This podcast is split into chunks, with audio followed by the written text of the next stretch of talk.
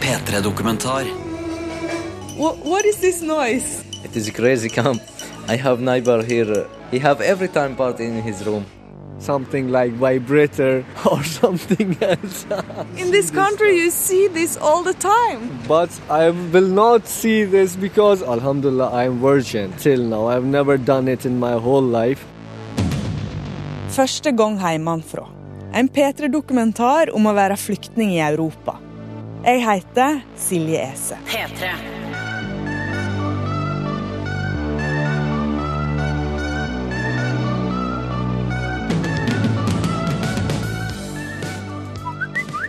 I am in uh, Germany now. Hi, that's good to hear. I just uh, wonder how you are. It's not a good time because for every day I'm going from camp to camp. Uh, When I stay in somewhere uh, to a long time, I will uh, buy SIM card and uh, call you. Okay? Okay. Bye bye. Det har gått ca. en måned siden jeg var på den greske øya Kos og traff flyktninger på vei til Europa. Der ble jeg kjent med brødreparet Nart på 19 og Nord på 15 fra Damaskus i Syria, som bodde i telt på gata. Etter jeg dro tilbake til Norge, så har vi holdt kontakten på WhatsApp og Facebook, og sånn har jeg fulgt dem på flukten gjennom Europa de siste ukene. Dortmund. Yes. Og plutselig så tikker det altså inn ei voicemelding om at de har kommet seg til Tyskland. Så da måtte jeg være reisende for å høre hvordan det går med dem. How are you? Finally you are here. Vi klemmer hverandre og begynner å gå mot eh, asylmottaket. Guttene er glade og så yngre ut enn hva jeg husker fra Kos. De er tynne og bærer på seg hettejakke, selv om det er kanskje tre grader i lufta. Every time I open my Facebook, I see I'm in Germany. I'm in Sweden. I'm here and I'm here. So now everyone travel from country to country. Nobody stays there. There is people staying, but who's there? He needs going out. Asylmottaket, eller campen som Nart kaller det, er et grått, gammelt murhus. Og fra utsida så minner det om et nedlagt fengsel. Nart er tydelig stressa og ber meg være forsiktig så ingen ser meg.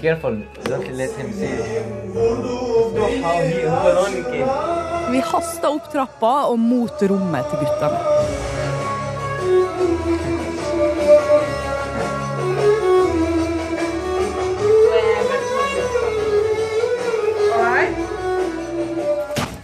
Welcome in my room. Nart låser døra med en gang vi kommer innenfor, og puster letta ut. What, is this noise? It is crazy camp. I have neighbor here from Macedonia, and he he have every time party in his room. Nart er redd for flere av de andre som bor på mottaket. Slik som mannen på naborommet, som ofte spiller høy musikk, har fester, drikker seg full, tross i at det på mottaket bor barnefamilier og mindreårige asylsøkere som reiser alene. So what are you making now? I make uh, hot chocolate. Mm, hot chocolate. It's very very nice. Men hva skjedde etter vi sa ha det ved teltleiren på Kos? Jo, guttene kom seg til fastlandet og ut av Hellas. Og så We start walking 22 kilometers, very bad, and you are scared, sure. And first, you can talk. If somebody smoking, he can't uh, smoke because we don't need anyone see us. You can take your cell phone.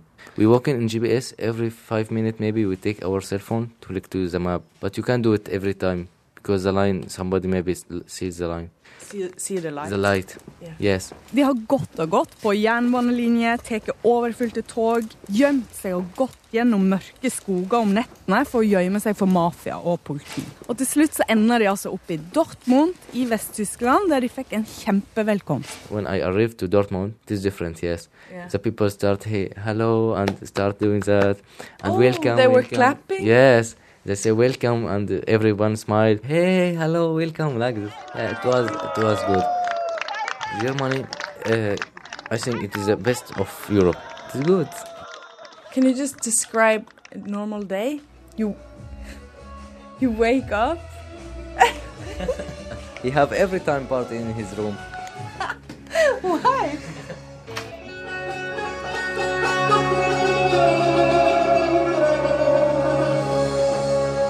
Dette her er da partynaboen til Nart og Nord. Han er fra Makedonia og fester på rommet sitt hele tida. Så vi stikker ned i kjelleren på denne gamle muggluktende bygningen for å få litt ro og for å lage oss litt mat. Okay, here is the shower or something. No, it's the The kitchen. Yeah, outside is the, the shower. Are you good at making food? My mom make food. I don't do anything in my house. My brother and my sister doing everything. Why you don't do I, anything? I, I work with my father, so Okay. I have my work. So your brother had to do everything? Yes. Okay, so this is this is kind of good for you that you have to learn. yes.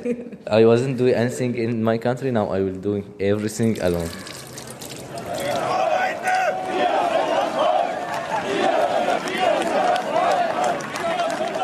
Den anti-islamistiske bevegelsen Pegida får stadig nye tilhengere i Tyskland. Og Tidligere i høst så marsjerte tusenvis av tyskere mot innvandring i byen Dresden. Så hvordan føles det for Nart at mange ikke vil ha deg der? I see German people uh, angry. We don't need the refugees. There is a lot of people. I think he can say that it is his country. But if he was in our country and sees the world, he will shit here most. Så han mener faktisk at innbyggerne har rett til å ikke like at det kommer flyktninger til landet, for det er deres land. Men hadde de vært i Syria og sett hvordan krigen herjer og dreper, så hadde de holdt kjeft. Are you afraid that people are like that? No, no problem. No problem. It is his problem. If I stay in, I don't make problem to anyone. So Nart irriterer seg over en del av de andre flyktningene som han mener ødelegger for sånne som han. there are people coming here and he don't have war in his country. Ok, who's that? From Macedonia, yes. He don't have war in his country. Why is he's here? He told me I am here. They t- give me money and after that I go to my country. Really? He told you that? Yeah, I, he will steal money, not give him money. Mannen på naborommet har fortalt at han er der kun for å stjele og sende det tilbake til landet sitt. I asked him, "You have war?" He told me no. So why you are here?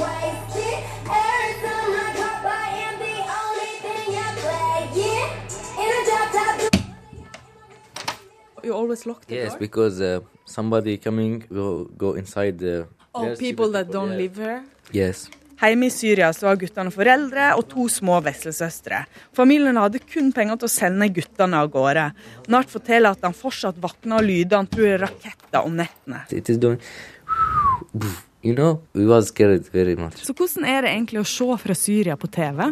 I don't like watching news now. I don't do it. When I watch it, it's terrible. I start scared very much because my family is there.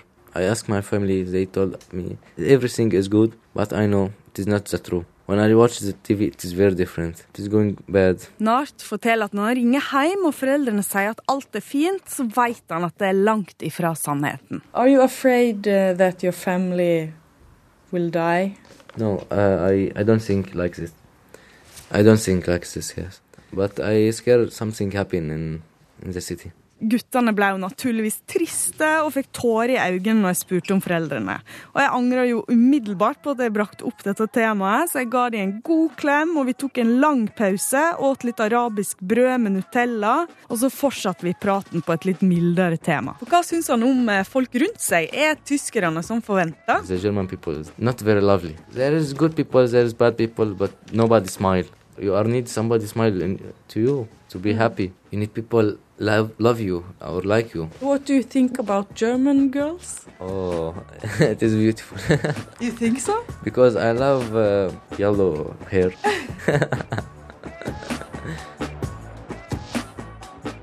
800 000 flyktninger søkte asyl i Tyskland hittil i år. Til sammenligning så har ca. 24 000 gjort det samme i Norge. Mange klapper i hendene for Angela Merkel, mens andre stiller seg spørsmål ved hva hun egentlig holder på med. Hvorfor tar de imot så mange? Har tyskerne sjøl svar på dette? What's your name? Selma. Selma? And your name? Caroline. The whole world is like, wow, you take so many refugees. Just put, put them in gyms and it's gonna be winter and it's like minus 100 degrees. No, not really, but it's too cold. And this is just one option that is not good because in a few months it's no more possible to live. Jeg havna her midt i en gjeng med urban planners som var på vei til bar-til-bar-runde. And so we drank so very much. Jeg hadde ikke noe særlig godt svar på hvorfor Tyskland har tatt imot så mange flyktninger. Are you kinder? I don't think that we're kinder. I, I, I don't know. Why do you take so many refugees? It's good, but why? Honestly, I don't know. Nobody knows. I don't think most German people like what Merkel has done, and I think they're just afraid to say anything about it. Dette er 24 år gamle Fritzi, langt hår, rocka type fra München. Og han mener at folk er redde for å bli stempla som muslimhatere, og derfor heller velger å holde kjeft. Og han tror at ytre høyre i tysk politikk vil få stor oppslutning framover. I don't know to what extent. I mean, in a lot of other European countries, it basically happened. Men hva med han sjøl, da? Er han på høyre- eller venstresida politisk? I think I'm more on the right, especially now. With what Merkel has done, the German people will simply not be there anymore. They will basically disappear, not as a country, but as a people. Jeg trasker videre og møter på ei tysk jente som snakker norsk. Linn er nemlig halvt norsk, halvt tysk og har bodd de siste ti åra i Tyskland. Hvorfor tror hun at Tyskland har en så liberal flyktningepolitikk? Tyskland har jo litt sånn den rollen siden krigen at de alltid føler seg sånn at de må gi noen ting tilbake, eller de alltid føler seg sånn skyldig. Ja, gjør du det som tysker? Eller jeg tror ikke at min generasjon eller yngre generasjoner gjør det, men man merker det jo hvordan politikerne snakker ofte at de må være de som ikke sier nei. Så skyldfølelse etter andre verdenskrig tror Link kan være grunnen. Men hvordan tror du det vil være i Tyskland om et par måneder? Jeg er litt redd at det kommer til å bli helt sånn gærent når det begynner å bli riktig kaldt og at folk ikke har nok å spise. Vi har jo allerede hatt en sånn situasjon hvor de begynte å slåss når de ventet på maten sin for det ikke var nok der og sånn. Så det er veldig, veldig mange som samler inn klær og sykler, eller som leier ut leilighetene sine uten å ta penger for det og sånn. Men jeg tror at nå at veldig mange nå tenker hvordan skal det gå videre? Klarer vi det, eller klarer vi det ikke? Hva tror du da? Jeg tror at vi klarer det. En flyktning jeg ble kjent med i Hellas som jeg òg holder kontakt med på Facebook og WhatsApp, er Ali på 23 år fra Pakistan. Da jeg forlot han på Kos, så tenkte jeg han her kommer aldri til å komme seg vekk fra øya i livet. Han var kjempetynn, sjuk, hadde ingen penger og sov rett på bakken. Men plutselig så fikk jeg melding om at han hadde kommet seg til München. Wow! That's me now. That's you! Yes. So good to see you! Jeg kjente faktisk ikke igjen Ali med en gang, for han så så annerledes ut med hue og skinnjakke kontra slippers og en hvit, skitten singlet. Og gjensynsgleden var selvfølgelig stor. So glad to see yeah. Og det som har skjedd siden avisa har det på Kos, er jo at han har gått store deler av veien fra Hellas til Tyskland. Han har frøst, og han har blitt skutt etter av mafia i en serbisk skog. Men nå er han altså framme ved målet Tyskland. It was awesome. And the people were waiting for us. They have uh, got a lot of clothes and food and uh, everything a person needs. They really uh, well wished us. And Oh, that's good to hear. Now I'm relieved as a European. Nå skal jeg være ærlig. Jeg er litt lei av å intervjue flyktninger om flyktningting. Så jeg kjente skikkelig for å finne ut hvem er Ali, utenom at han har flykta fra elendighet. Hva gjør han på mobilen? Hva er favorittartisten? you know, Bon Jovi. Everything I do, I do it for you. Is that your favorite song? Yes, that is. And uh, Indila, it's like whoa, whoa, whoa, whoa, whoa, whoa, whoa, spaghetti, something like that. Spaghetti? Yes, something like that. Oh ma douce souffrance, You know, it's full of pain. Så hva er Alis favorittapp? Uh, my favorite app is WhatsApp. It's uh, really easy to use as well as it does not need uh, a lot of internet connection. De fleste flyktningene jeg har møtt, digger faktisk WhatsApp, siden en kan ringe og SMS-e gratis. Vi går videre. Hva er favorittapp nummer to? Google Maps must be in our phones. So, have you used Google Maps while escaping? From Bodrum to Kos, uh, there was a sea. I have got internet connection, but there was no way, way that Google app was going to help me out in the sea. I tried to use it, but uh, I was unable to. Ali skulle ønske at Google Maps hadde virka når han måtte gjemme seg i 13 netter i de iranske fjellene mens han venta på at hæren skulle forsvinne. Hadde Google Maps funka offline, så kunne han ha funnet ei tryggere rute over til Afghanistan. What's your favorite interest? My favorite interest traveling. Traveling? yes. Have you traveled outside Pakistan? Uh, not really. I have traveled outside Pakistan, no. as you know. yes. Så favorittinteresse er å reise, favorittapps er WhatsApp og Google Maps, favorittartist Bon Jovi, og helt til slutt You have girlfriend? Uh, I had uh, a long time ago. It's a long story. yes. Hva syns han om europeiske jenter, da? You know, they're really beautiful, but wherever I have listened and read is that beautiful people are not always faithful. so I'm also scared. Hello! yes, but I don't know, you know, they're loving, they're so good. But uh, to have a relation, I don't know. Grunnen til at Ali måtte flykte, er at faren var leder for ei gruppe sjiamuslimer hjemme i Pakistan. Broren har visstnok blitt drept av Taliban, og nå står trolig Ali for tur. Han forteller at han av og til måtte sitte vakt utenfor huset deres med maskingevær om nettene. Men nå har han altså kommet fram til Tyskland, som er kjent for bl.a. oktoberfest, strippeklubber og øl. You came to this country, but I'm not sure if you came to paradise. In the window here, we have all this stuff. Have you I don't this? want to see something like vibrator or something else. In this country, you see this all the time. But I will not see this because, Alhamdulillah, I am virgin till now. I've never done it in my whole life. Ali blir veldig fniset utenfor sexsjappa. Han forteller at han er jomfru, og jeg kan jo bare glemme å få han med innenfor døra, sånn som jeg egentlig hadde tenkt. Så hvordan er det å komme til et land der det er vanlig med bordell, sexbutikker og øl? Visste han om dette før han drog? Yes, I know this, but I have never been in a sex market. I have really 100% ability to satisfy my woman if ever I'll get her. She will never think about the sex shop. Oh well. Har han noen plan for å slippe å måtte forholde seg til disse nye tingene rundt han? I can just turn my face on another side and I have to live with it here.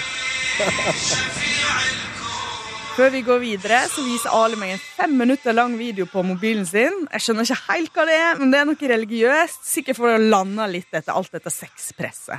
Så hvordan er Nord-Europa? Er det så forventa? Eating, sleeping, walking, eating, sleeping, walking. The life is like, you know, animals. they eat, sleep, and walk. So expectations are going wrong. it's just like a prison.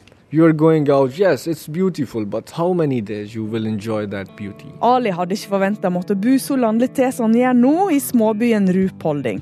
Det er ingenting å gjøre, og han får ikke lov å søke på universiteter før asylsøknaden er behandla. Uh, still, I am expecting a lot from Germany, but you know, as there are a lot of refugees, and uh. Mange spør seg nå hvorfor er det så mange afghanere, iranere og pakistanere som flykter til Europa om dagen. Har de kasta seg på bølger av syrere som flykter fra krig? Er det noe i det at det er mange som nå er på flukt i Europa som strengt tatt ikke trenger å flykte? That's really true. Actually, I have got a case with me. I have got all the documents, the killing of my brother and the writings of head of the departments, all about our family members and enemies. But they are right that all the people, most of the people from Afghanistan and Pakistan were working in Turkey, were working in Greece. As they have seen that uh, Germany has opened the ways for asylum they have moved. Så Ali bekrefter at dette er et tilfelle. They're wrong. Of course they're wrong. I have a case. They're here for work. I'm not here for work. I'm here for life.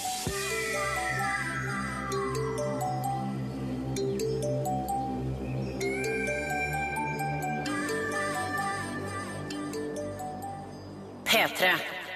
Du har nyss hørt eh, veckans P3-dokumentar som er produsert av Silje Ese. Eh, Och du kan se bilder og lese mer om det her på p3.no slash dokumentar. Mitt navn er Nares Sekov, jeg er reporter i P3 Dokumentar. Og med meg i studio just nå så har jeg faktisk eh, Silje. Hei på deg, Jørgen Silje. Hei, du. Du, vi i veckans P3-dok har jo lyst til å prøve en ny vri, en slags efterprat med deg. Eftersom veckans, veckans dokumentar som du har fikset, er jo en minidokumentar egentlig. En slags kollasj av flere ulike radioreportasjer som du, Silje, har fikset for eh, P3-programmet Verdens rikeste land. Ja. Som har blitt sendt eh, tidligere denne veckan. Så derfor tenkte jeg at jeg har jo lyst til å prate med deg om å kanskje få noen historier som aldri fikk plass i denne dokumentaren. Uh, jeg har veldig lyst til å få vite mer av de her flyktningene som du treffet, som har da flyktet fra Syrien og Pakistan. Så først og fremst, hvordan um, kom du egentlig i kontakt med Nart og hans lillebrorsa Nor og Ali? Og hvorfor ville du berette just deres historie? Nei, eh, altså greia var jo at jeg reiste jo til Kos, eh, øy i Hellas i september, for å snakke med flyktninger som hadde kommet over sjøen fra Hellas. Og der eh, Nart fra Syria han kom faktisk bort til meg, for han var en veldig sånn sosial, eh, nysgjerrig person. Han så jeg hadde en mikrofon, eh, så han, eh, han, var litt nysgjerrig på den mikrofonen. Så så han jeg hadde et kamera, eh, og faren var fotograf, så vi snakka litt og bonda litt eh, og snakka litt om dette kameraet. Og så var han jo god i engelsk, og det er jo nøkkelen.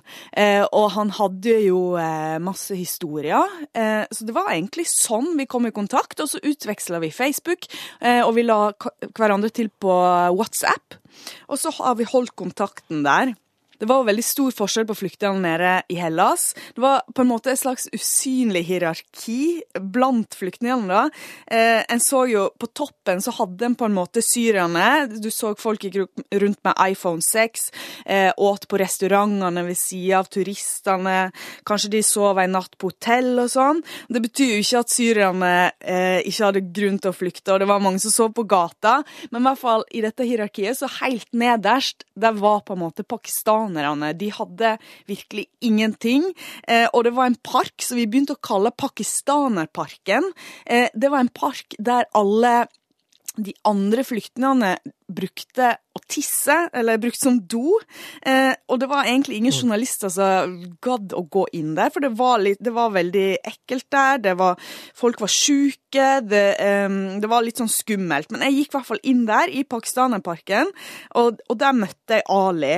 Um, uh, og han, eh, han, han, var jo god i engelsk, og han hadde jo ja, veldig sterke historier fra oppveksten sin med Taliban og livet etter 9-11. Eh, ja, og han var jo veldig god i engelsk, da, som er nøkkelen. Og så har jo vi òg holdt kontakten på Facebook og WhatsApp. Mm. Plutselig tikker det inn meldinger. Nå er vi i Tyskland. Jeg er i Tyskland. det, hvor lenge efteråt, liksom, efter du treffer dem i, der på Kos i Grekland, fikk du det? liksom? Eh, det tok kanskje to, uker, så hadde de kommet seg til Tyskland.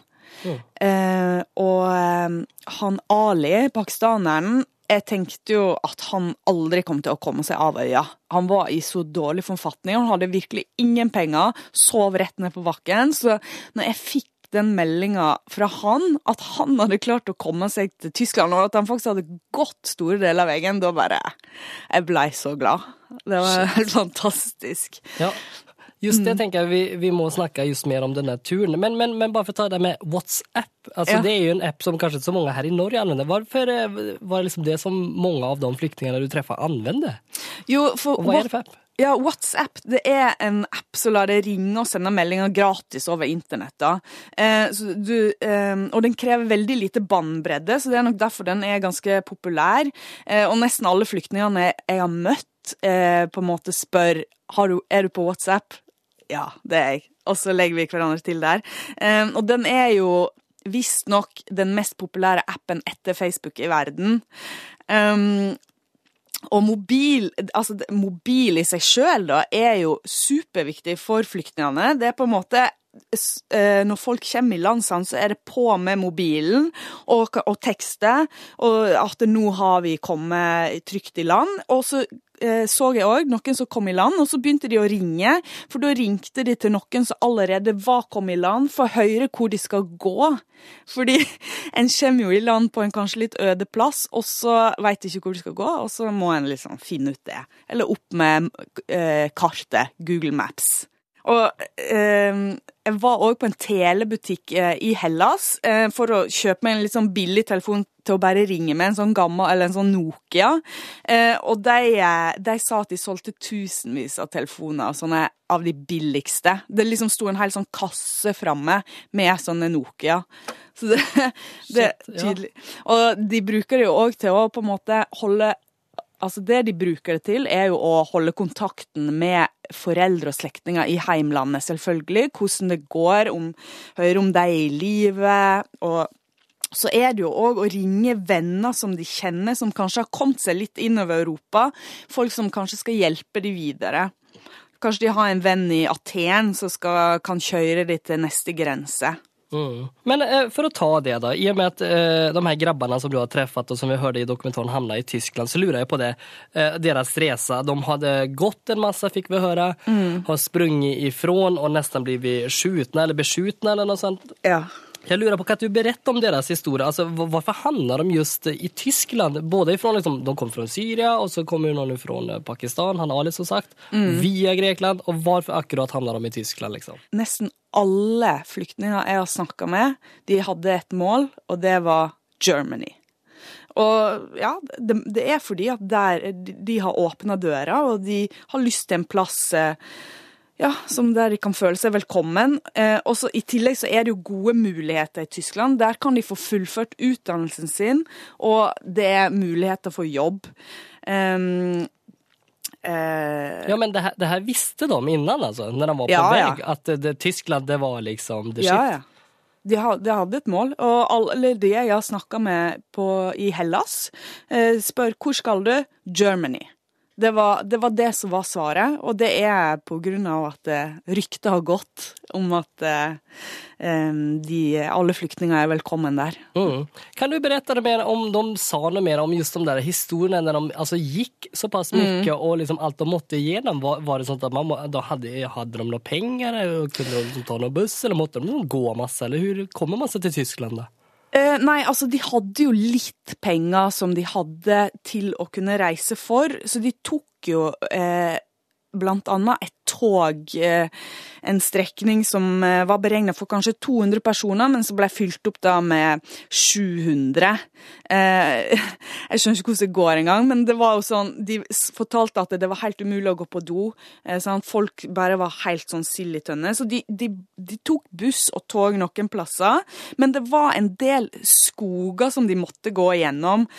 Og de, i disse skogene, det er jo da i Serbia og Makedonia, det området der, der eh, opererer mafia og ranere som er ute etter, eller mest sannsynlig er ute etter penger, pengene til flyktningene.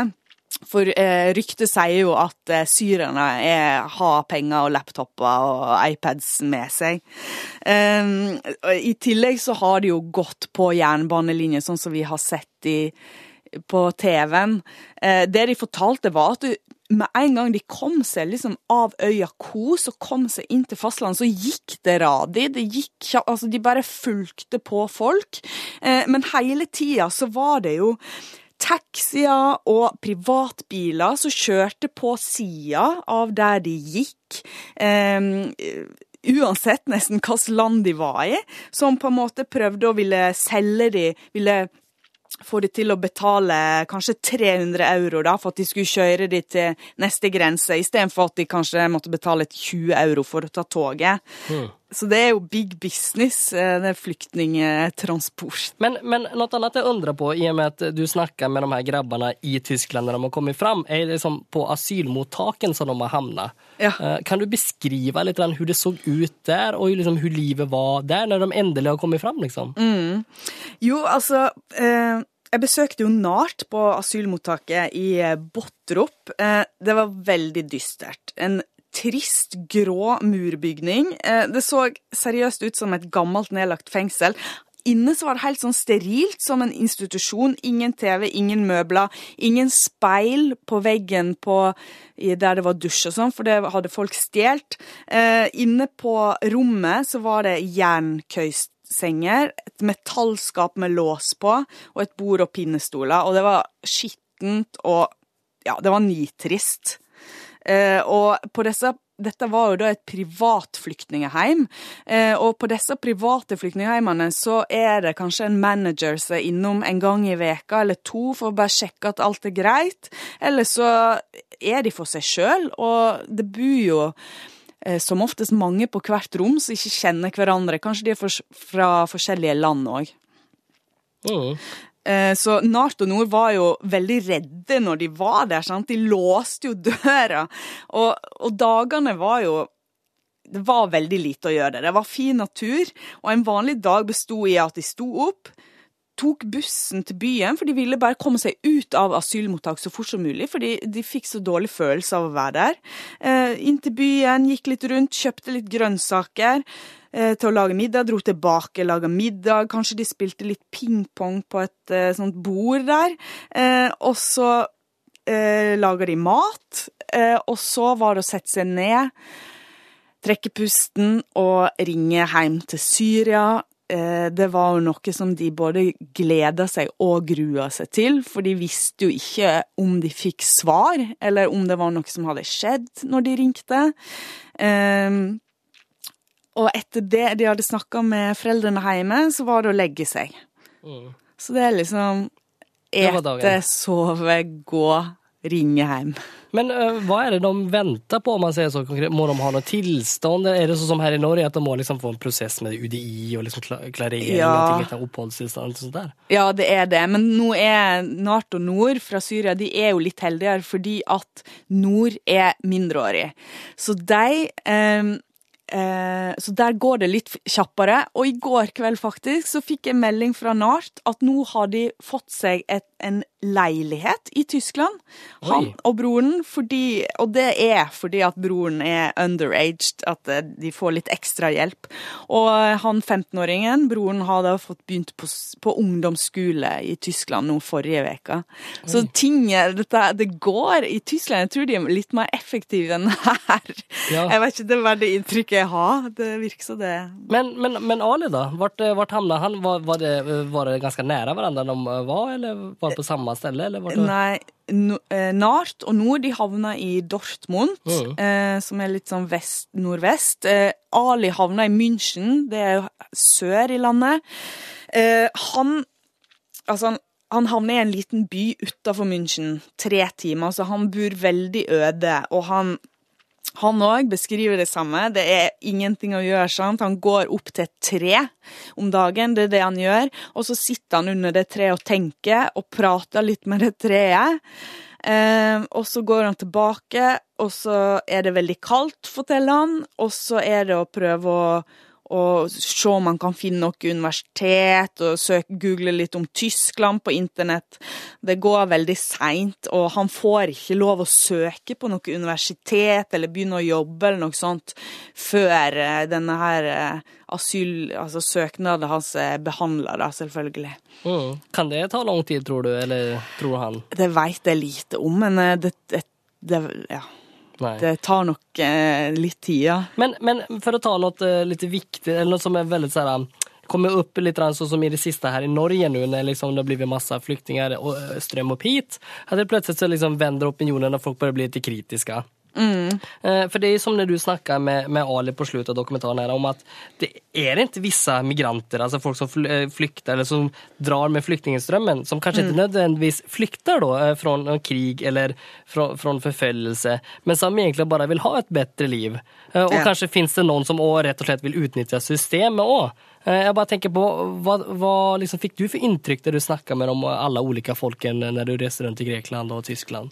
Nei, altså Når jeg har møtt folk, så har jeg på en måte gått inn i det med Jeg har ikke vært så veldig interessert i hvor de er fra. Jeg har mer tenkt at eh, dette her er en flyktning, eh, og de er i en situasjon de ikke vil være i. Og de fleste har jo levd under forferdelige forhold der de kommer fra, selv om landet ikke er i krig, eh, og har grusomme historier om livet sitt. Eh, Men jeg merker jo veldig godt at det er på en måte anspent mellom de ulike flyktninggruppene, både på asylmottak og slik jeg opplevde det i Hellas.